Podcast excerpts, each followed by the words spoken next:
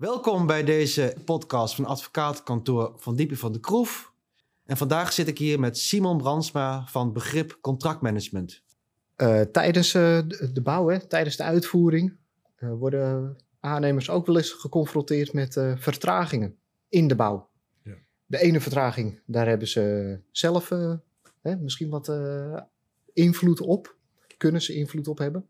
Maar nou zijn er natuurlijk ook vertragingen die van buitenaf komen, die uh, ja, bijvoorbeeld uh, de opdrachtgever levert iets te laat aan, waar die aannemer wel uh, op zat te wachten.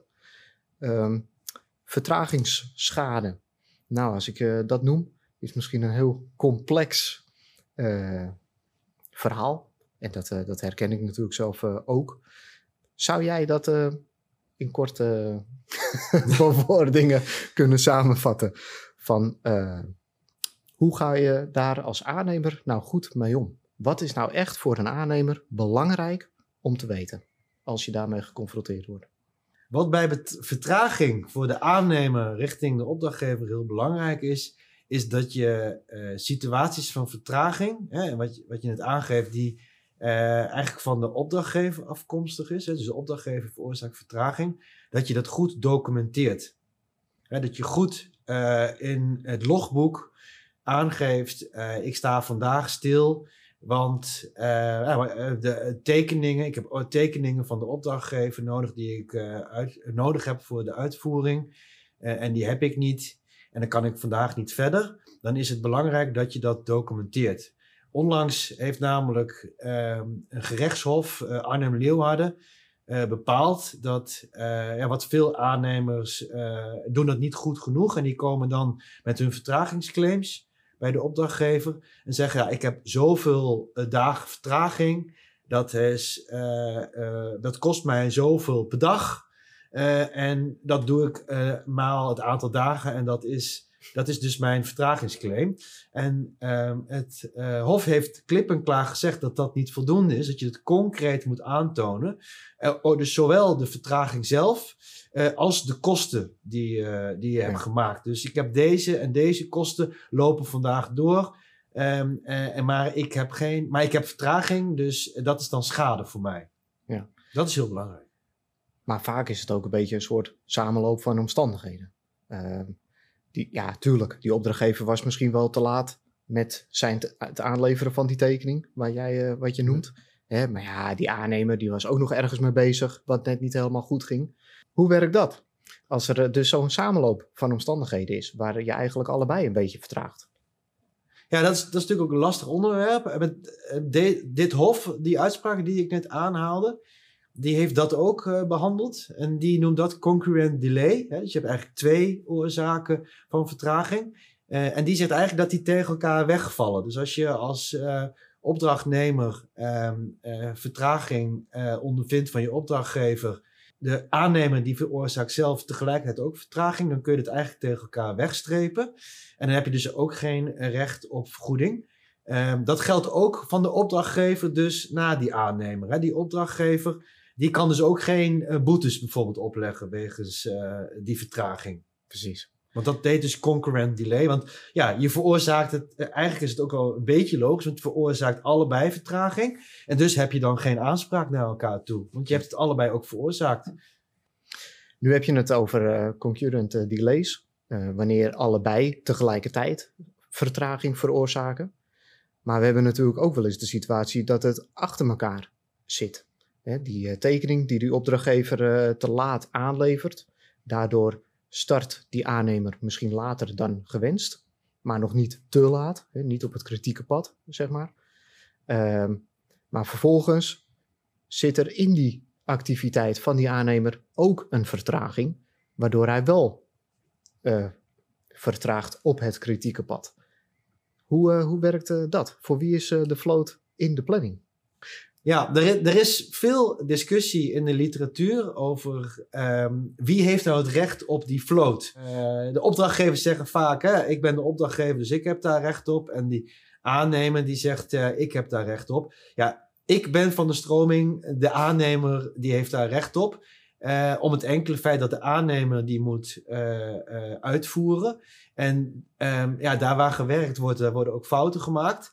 Dus de aannemer die moet ook, eh, die heeft eigenlijk het recht om op fouten te maken. En als hij dus eh, op het niet-kritieke pad een ver- vertraging veroorzaakt, ehm, eh, hij moet daar ruimte voor hebben. En als de opdrachtgever zegt bij een bepaalde vertraging, ehm, eh, ja, maar jij hebt nog float, hè, dan pakt hij dus eigenlijk het recht om fouten te maken van je af.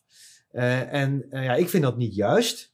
Eh, die float die moet wat mij betreft eh, aan de aannemer toekomen. Met andere woorden, als die opdrachtgever eh, vertraging veroorzaakt, waardoor de aannemer dus minder ruimte heeft om fouten te maken, dan is mijn advies om aan de, aan de opdrachtnemer om inderdaad nog steeds vast te leggen, ja, ik leid nu vertraging, omdat u te laat bent met uw tekeningen. Dat is weliswaar niet op het kritieke pad. Eh, maar ik wil wel eh, het recht op termijnsverlenging wil ik van u hebben. Want anders dan, eh, dan kom ik in de problemen. Dan kan ik geen enkele misstap meer maken. En als ik dan inderdaad iets te laat ben, dan krijg ik gelijk een schadeclaim van uw kant. Maar er is dus discussie over. Dit is gewoon een, een hele lastige discussie. Ja. Ja, precies. Want je kan je ook nog zelfs voorstellen hè, dat er een, eh, een hele kleine vertraging, eh, hele grote gevolgen heeft. Gewoon even een simpel voorbeeld uit het dagelijks leven. Als je één of twee minuten te laat bent voor de trein, is de vertraging misschien wel een uur. Hè, waardoor de vertraging veel groter is dan de vertraging die je eigenlijk eh, in beginsel had. Eh, Ja. En dat kan Ja. bij die aannemer ook zo zijn. Ja, maar toch is, is het is wel zo dat, dat juridisch gezien, eh, ook al eh, maakt de aannemer een kleine fout, hè, dus een kleine ver- vertraging die een, een, daaraan gekoppeld een, een, grote, een grotere vertraging veroorzaakt. en dus ook het bedrag hè, van de schade omhoog gaat. Dat in- ja, in, in, in beginsel ehm eh, eh, veronachtzaamt het recht dat wel. Dat Je bent daar wel eh, ten volle voor aansprakelijk. Eh, en dan heb je, eh, en dan komt hij weer, redelijkheid en billijkheid spelen wel een rol. Maar het uitgangspunt eh, is dat je daar als opdrachtnemer wel voor moet opkomen. Voor, eh, voor die grotere schade dan. Precies. Dus voor ons eh, als tip naar de aannemers eh, toe, goed vastleggen van eh, de logboeks, eh, Ja. logboeken moet ik zeggen. Eh, goed documenteren. Eh, en ook inderdaad toch weer terugkomend op die waarschuwingsplicht en al die eh, andere eh, onderwerpen die we genoemd hebben. Tijdig informeren van je opdrachtgever Ja. als je ergens tegenaan loopt. En blijven informeren en blijven vastleggen. Ja, ja inderdaad, ook, ook die. eh, Ik, ik wilde net zeggen, eh, niet alleen documenteren, maar ook inderdaad informeren. Eh, Het is uiteindelijk weer die communicatie is heel belangrijk. Hè, dus ook heel belangrijk om die opdrachtgever ervan op de hoogte te stellen dat hij ehm, eh, iets doet wat vertraging veroorzaakt. Eh, eh, zodat die opdrachtgever zich ook daar bewust van is. en ook ehm, wellicht maatregelen kan nemen om die vertraging te stoppen. En als je het niet over communiceert, dan kun je, mag je er niet zonder meer van uitgaan dat hij het weet. Bepaalde opdrachtgevers, van bepaalde opdrachtgevers mag je wel verwachten dat als die bepaalde vertraging veroorzaken, dat ze dat zelf ook wel weten. Hè. Naarmate de opdrachtgever deskundige is, hoef je dat niet te vertellen. Hè. Je hoeft de opdrachtgever niet te vertellen als die bepaalde cruciale tekeningen ehm, niet aanleveren, dat dat vertraging veroorzaakt. Maar desondanks zal het- het advies altijd zijn om er wel over te communiceren. Want dat wordt ook gewoon van je verwacht. Nou, mooi Simon. Ik vond het leuk.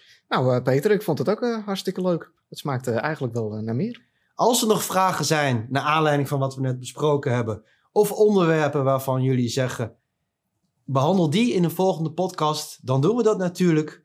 Ik dank jullie hartelijk voor jullie aandacht en tot de volgende podcast.